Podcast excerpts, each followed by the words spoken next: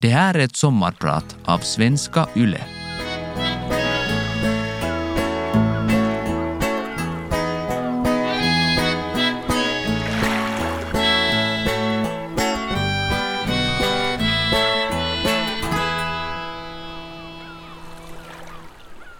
Min mens är en dag sen och tar ett graviditetstest på toan på T-centralen. Det visar negativt. Jag är inte gravid. Det är bra. Jag vill inte vara gravid. Jag ska ju åka till Indien. Det är märkligt med Indien, det här med korna. Det är ju fruktansvärt opraktiskt att ha stora klövdjur drällande på gatorna. Antingen stinker det av sopor som någon lämnat till sitt öde i den stekande solen eller så doftar det förföriskt av färgstarkt kryddad mat. Jag är tillbaka i landet där jag för fem år sedan kraschade totalt. Nu är jag här för att hålla ett yoga-retreat tillsammans med min kollega Linda. Vi yogar i en sal högt uppe bland palmernas vajande blad. Det är fuktigt, varmt och doften av nag champa, den klassiska indiska rökelsen, ligger som ett osynligt täcke över hela centret. Den sista dagen guidar Linda oss igenom en meditation. I slutet ber hon oss att föreställa oss vårt framtida jag komma upp för trappan i salen. Jag ser en sprudlande varelse skutta upp för trapporna. I meditationen blir vi ombedda att fråga om det finns något som det här framtidsjaget vill säga oss. Jag frågar den här lyckliga varelsen, som jag ju ser att det är jag, men som känns betydligt levnadsgladare än jag själv, om det finns något som hon vill säga. Och hon böjer sig fram med en min som är full i fan och hon viskar Jag är gravid. Jag klämmer fram. Jaha, och det barnet hade du tänkt föda själv då, eller vad? Hon tittar på mig med moderlig blick. Ja, men det är väl klart. Sen går hon. Jag tänker att herregud, sånt som dyker upp i meditationer behöver ju aldrig vara förankrat i någon som helst sanning. Nej, det är ju inte direkt så att jag tror på vad jag drömmer om nätterna heller. Dessutom, jag har en ettårsplan. Jag har till och med en femårsplan. Jag har inte tid att vara gravid. Dessutom är jag livrädd för förlossningen. Nej, jag har bestämt mig för att det nog inte blir några barn för min del. Det här med att min mens är två veckor sen, det beror nog på att jag stressat för mycket på sistone. Graviditetstestet var ju negativt. Stress. Stress måste vara. Jag ska ju åka vidare nu, åka till Bali och ta det lugnt några veckor, dricka öl på stranden och vila. Jag heter Sandra Lundberg och den kommande timmen är en möjlighet att följa med på en resa från depression till moderskap. Vi spolar fram bandet. Två veckor senare. Någonting är konstigt i kroppen. Jag kan inte sätta fingret på vad och öl i solnedgången hjälper inte alls. Jag köper ännu ett graviditetstest av en apotekskvinna som granskar mig med utstuderad avsmak. Hon hasar fram till en hylla, tar fram ett litet blått kuvert. På hackig engelska instruerar hon mig att kissa på stickan på morgonen. Jag nickar för att göra henne nöjd, men självklart väntar jag ju inte till morgonen. Jag kissar på stickan och här är det ju två otydliga streck. Två streck betyder gravid. Mm. Jag kan liksom inte ta in det här utan jag cyklar direkt tillbaka för att köpa ett test till. Kvinnan i kassan tittar på mig som om jag just eldat upp hennes apotek. Hon är upprörd. Du ska ju kissa på morgonen sa jag ju. Jag ber om ursäkt och lovar att nu, nu ska jag kissa på morgonen. Jag kissar på morgonen. Jag är fortfarande otydligt gravid. Min pojkvän får hämta ett test till. Jag orkar inte bli uppfostrad av den här apotekskvinnan igen. Den här gången är jag mer tydligt gravid. Jag går ut och meddelar min pojkvän om vad som hänt. Och jag lägger mig i sängen och gråter så hela kroppen skälver. Jag gråter för att jag är livrädd. Jag är rädd för jag befinner mig i ett land där jag inte ens har ett val. Abort är inte lagligt i Indonesien. Jag är rädd för tänk om det går åt helvete. Tänk om vi skaffar ett barn och allt som kan gå snett går snett. Jag är rädd för att göra fel. Jag är rädd för att jag inte ska förstå det här barnet, att jag ska vara för uppfylld av mig själv. Att jag ska curla barnet för mycket, att min sambo och jag ska bråka. Jag är rädd för att mitt barn ska göra alla de misstag som jag har gjort. Jag är livrädd att mitt barn ska må som jag har mått. Första minnet jag har av sorgekänslan är en sommarkväll. Jag har rotat runt efter småpengar och skramlat ihop till en citronlakritsglass. Den här glassen sitter jag på en trappa och slickar i mig. Jag ser världen pågå på gågatan framför mig. Men jag kan inte känna att jag är en del av det här. Jag är ingen människa. För jag ser ju hur alla andra människor fungerar och så fungerar inte jag.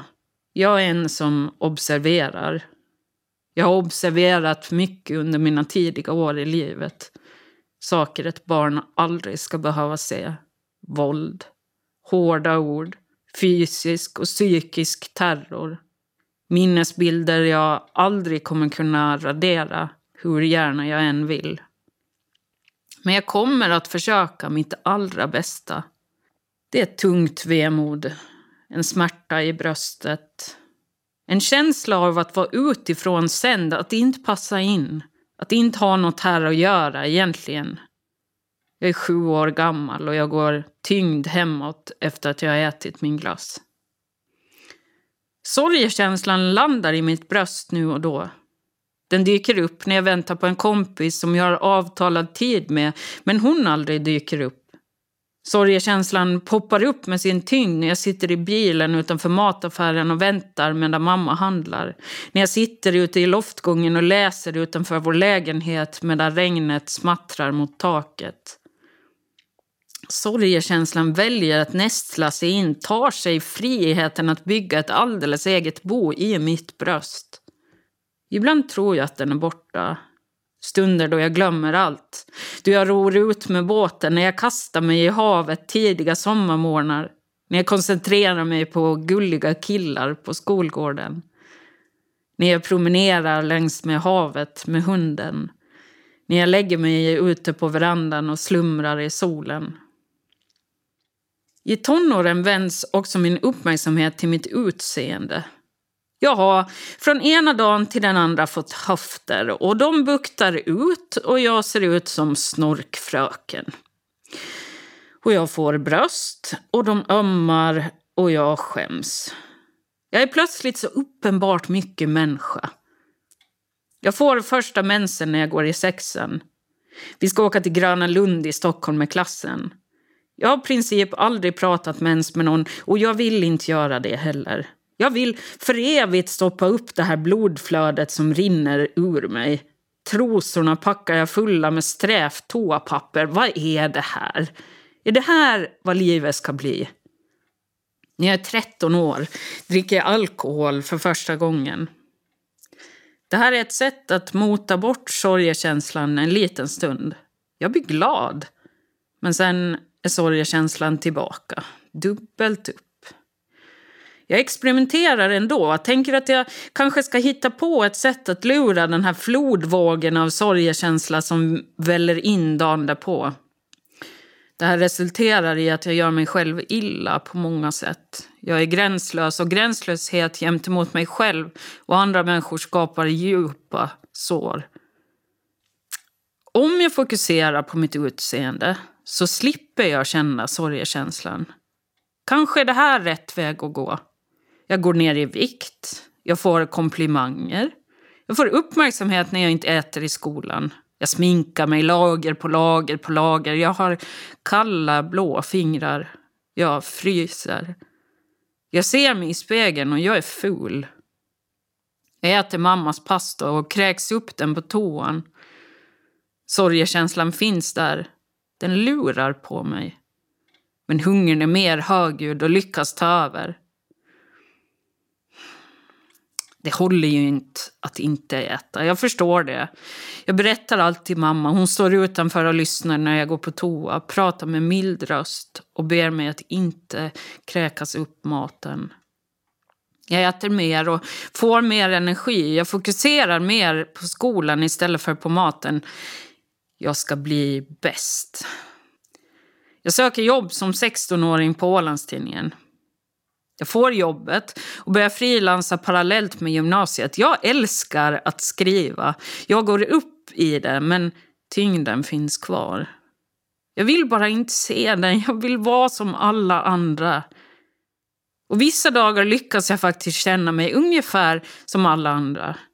Jag är 20 år och driver en egen nöjestidning. Jag älskar det jag gör. Jag får använda min kreativitet varje dag. Jag har fria tyglar. Det är underbart.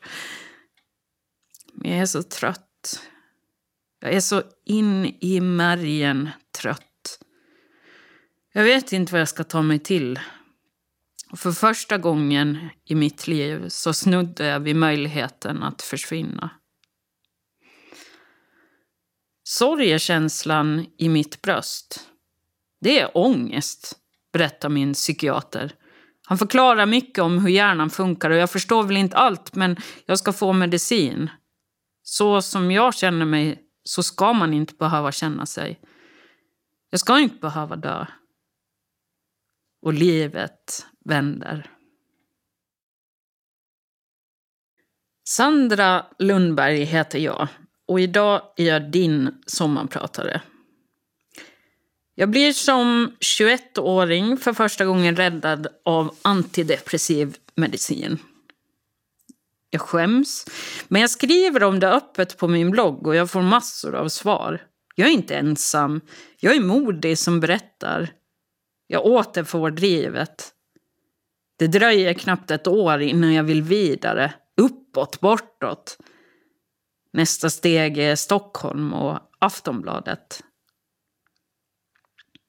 Jag älskar jobbet på kvällstidning och jag är samtidigt livrädd.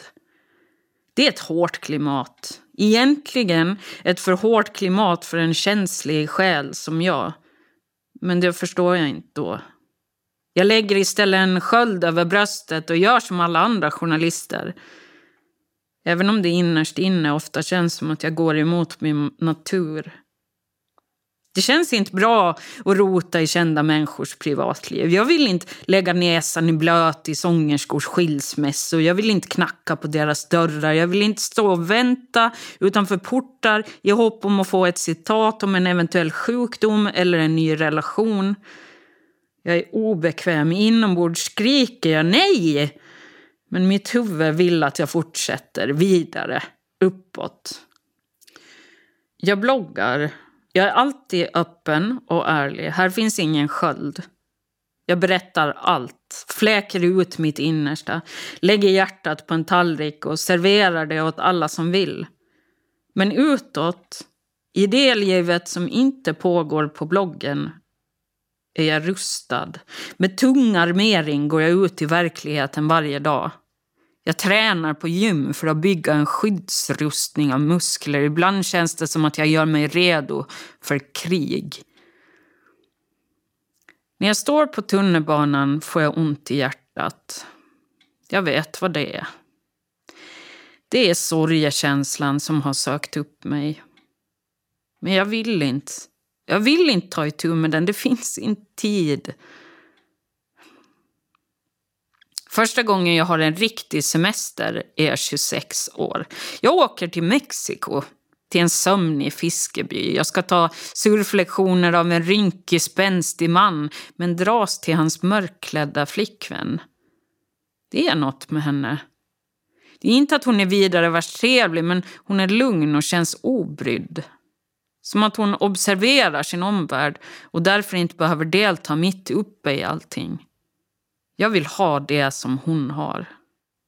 Det hon har är yogan.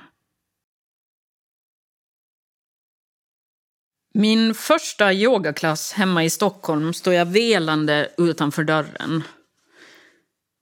Alla som väntar på att få komma in verkar så säkra på sin sak. De är vända inåt. En sitter till och med och blundar. Några andra sitter med benen brett isär. Helt obrytt sitter de där och pratar med varann.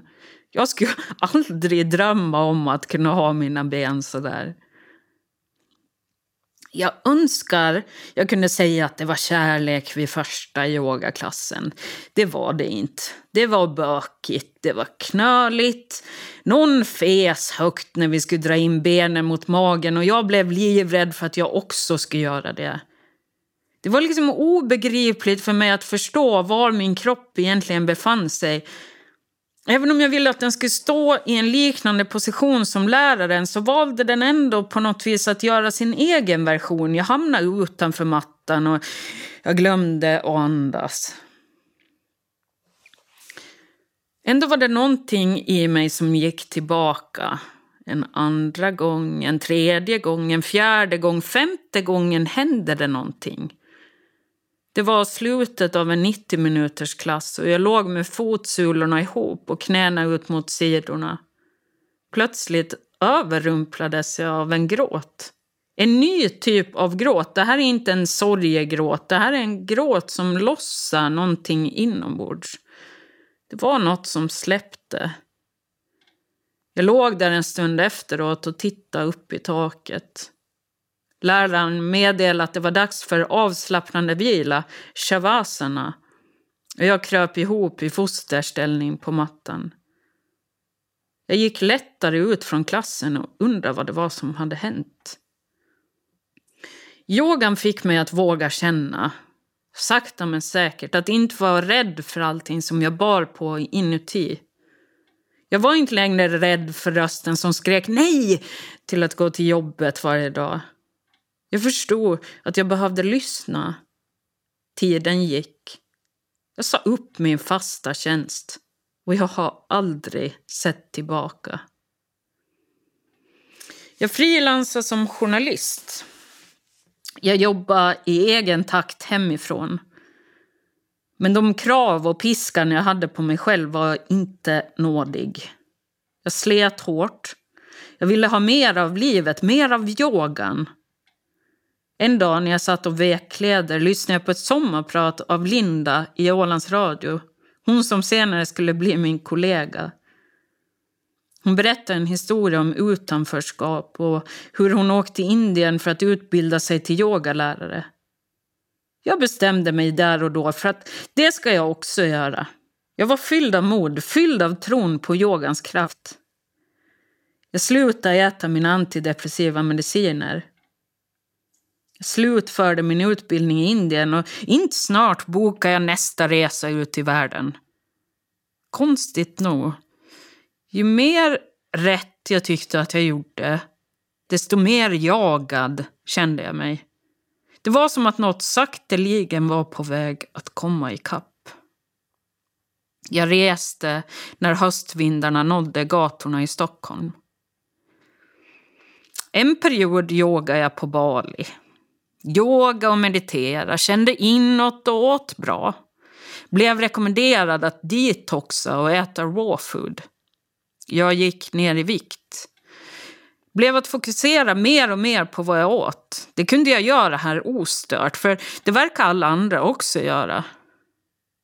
Någonting var inte bra. Fan, nu skulle det väl ändå vara bra? Jag fick ett erbjudande om att komma tillbaka till Indien och jobba på samma ställe där jag utbildat mig. Kanske var det här räddningen. Kanske jag bara behövde mer trygghet och ramar i vardagen. Jag flydde och mitt inre jagade mig. Men det som fanns där inne var för tungt att ta tag i. Inte nu! Inte nu när allt just blivit så bra. Livet kom slutligen i kapp en morgon ett par månader senare. På stranden i Indien kunde jag till slut inte värja mig. Tårarna var ostoppbara. Jag grät överallt. Jag grät och grät. Jag fick åka hem till Åland, till mamma, till den sista platsen jag ville hamna på. Jag var mager av all raw food. Utan att knappt märka något hade jag gått ner 17 kilo. Jag hängde inte med i svängarna i mitt eget liv. Kraschen var hård. Hårdare än vad jag någonsin hade kunnat räkna med. Ett år var jag bortkopplad från verkligheten. Ett år tampades jag dagligen med självmordstankar, ätstörningar, tårar och en ångest som är svår att beskriva i ord. Många gånger bestämde jag mig. Många gånger ångrar jag mig. En dag till. En dag till. Tiden läkte mig. Medicin läkte mig på nytt. Ljusningen kom långsamt. En vårdag satte jag mig ner vid datorn och skrev ner alltihop. Det här blev en scenshow som jag har turnerat med i nästan två år. Gång på gång har jag gått upp på scenen och berättat min historia. På Stadshusets scen på Åland i Stockholm, på två turnéer genom Svensk-Finland. Sista showen var i mars i år och det var i grevens tid för jag hade inte orkat höra min egen röst rabbla samma historia en gång till. Det är en ny tid nu. Jag känner det. Jag lever nära mina känslor och jag vet att det här är ett nytt kapitel i livet. För ett år sedan ringde min mamma och skrek att hon hittat mannen i mitt liv. Ni behöver förstå att min mamma är en sån som kan göra sånt här. Hon har en god känsla för dramatik, min mamma. Allt som ofta så gör man bäst i att ta henne med en nypa salt. Men den här gången får jag ge henne, hon hade hittat mannen i mitt liv. Vi möttes mellan hägg och syren. Han kom med ett lass möbler till min mamma. Jag såg honom och för första gången mötte jag en annan själ som var som min. Någon som också observerat, som också trängt undan det mörka som också jagat sig fram i livet av rädsla för vad som ska hända om det onda kommer ikapp. Jag hittar någon som jag. Någon som inte är jag, men som kan se på mig och förstå. Förstå vad som pågår inuti och som också ser när sorgen och mörkret gror där inne. Ibland, när vi sitter hemma i varsin fåtölj och jag ser på honom kan jag undra om det inte är så att han är en gåva sen för att visa att bortom all den djävulskap som livet kan vara så finns kärlek och gemenskap. Samhörighet och värme. Att du finns, Kasper, är ett bevis för mig på allt vad livet kan vara. Livet är ljusare med dig. De små vardagliga kamperna är lättare. Möjligheterna är större och framtiden mer spännande.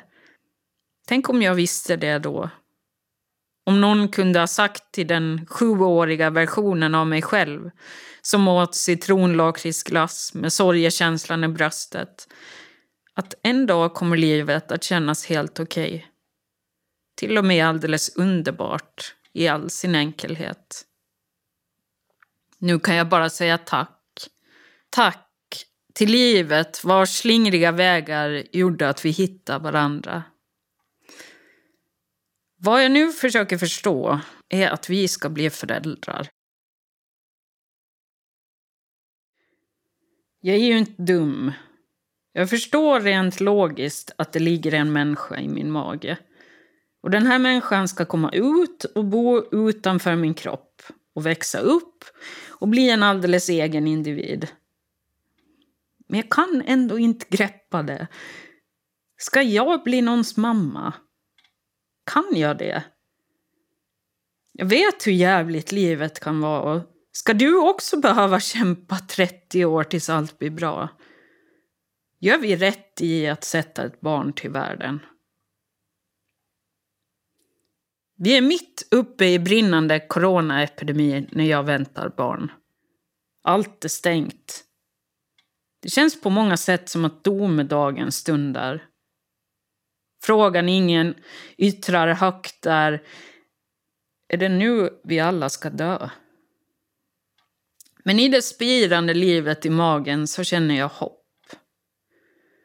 Trots att skolornas korridorer ekar tomma Finland befinner sig i ett historiskt undantagstillstånd. Gungorna på skolgården gnisslar ensamt fram och tillbaka i den kalla vårvinden när jag skriver det här. Det här är tider då folk köper toapapper i förtvivlan, när andra är arga på de som köper toapapper. När det finns 147 euro på kontot och alla mina inkomstbringande jobb är inställda.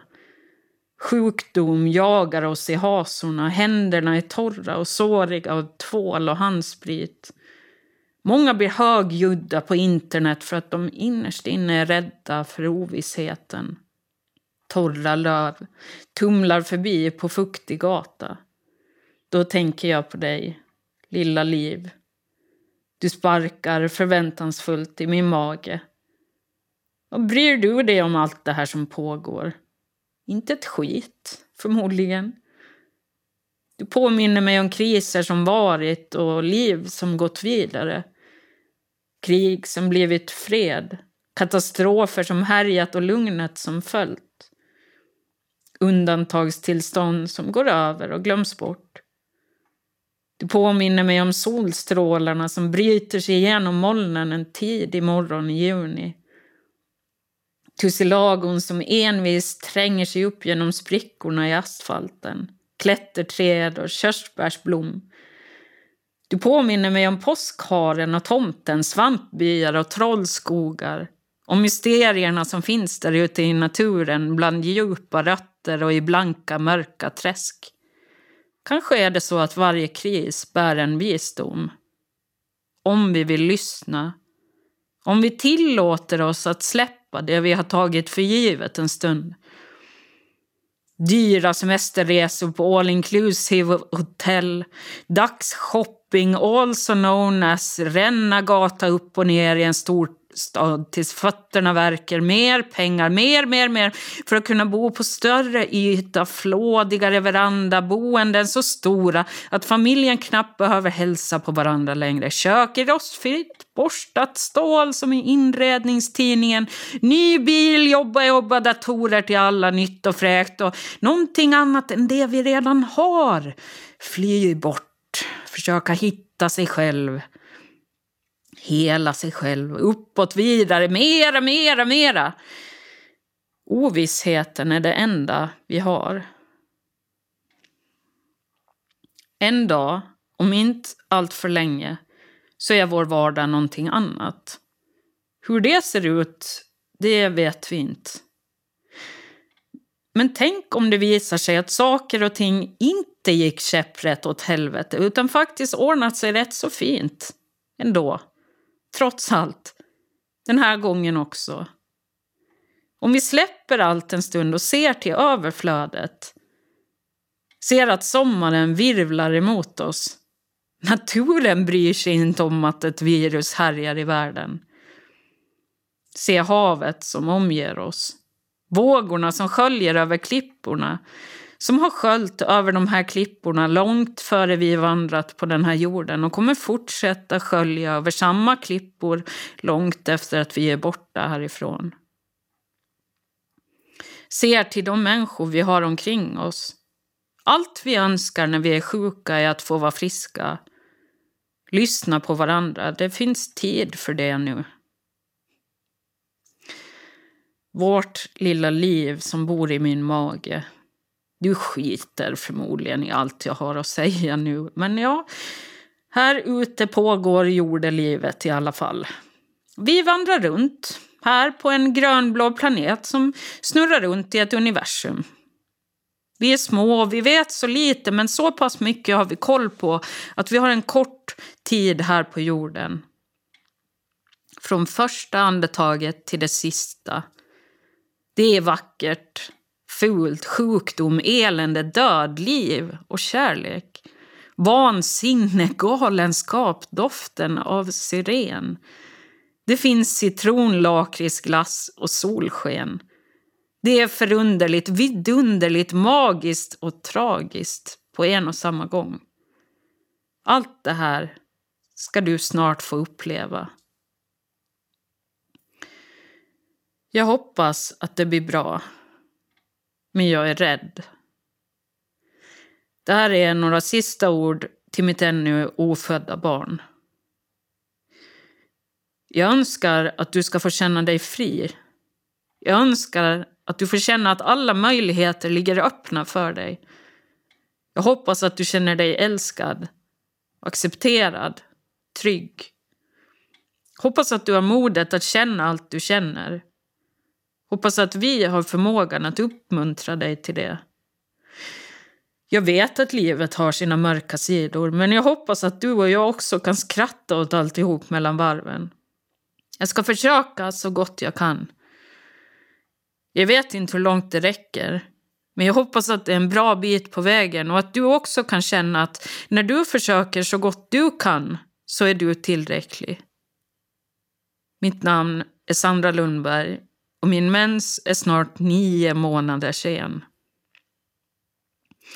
Jag hoppas att du har en alldeles underbar sommar och att sorgekänslan är uthärdlig. Att du orkar andas djupt ner i bröstet om livet känns tungt. Och jag hoppas att du kan känna att när du försöker så gott du kan så är du också tillräcklig. Tack för mig.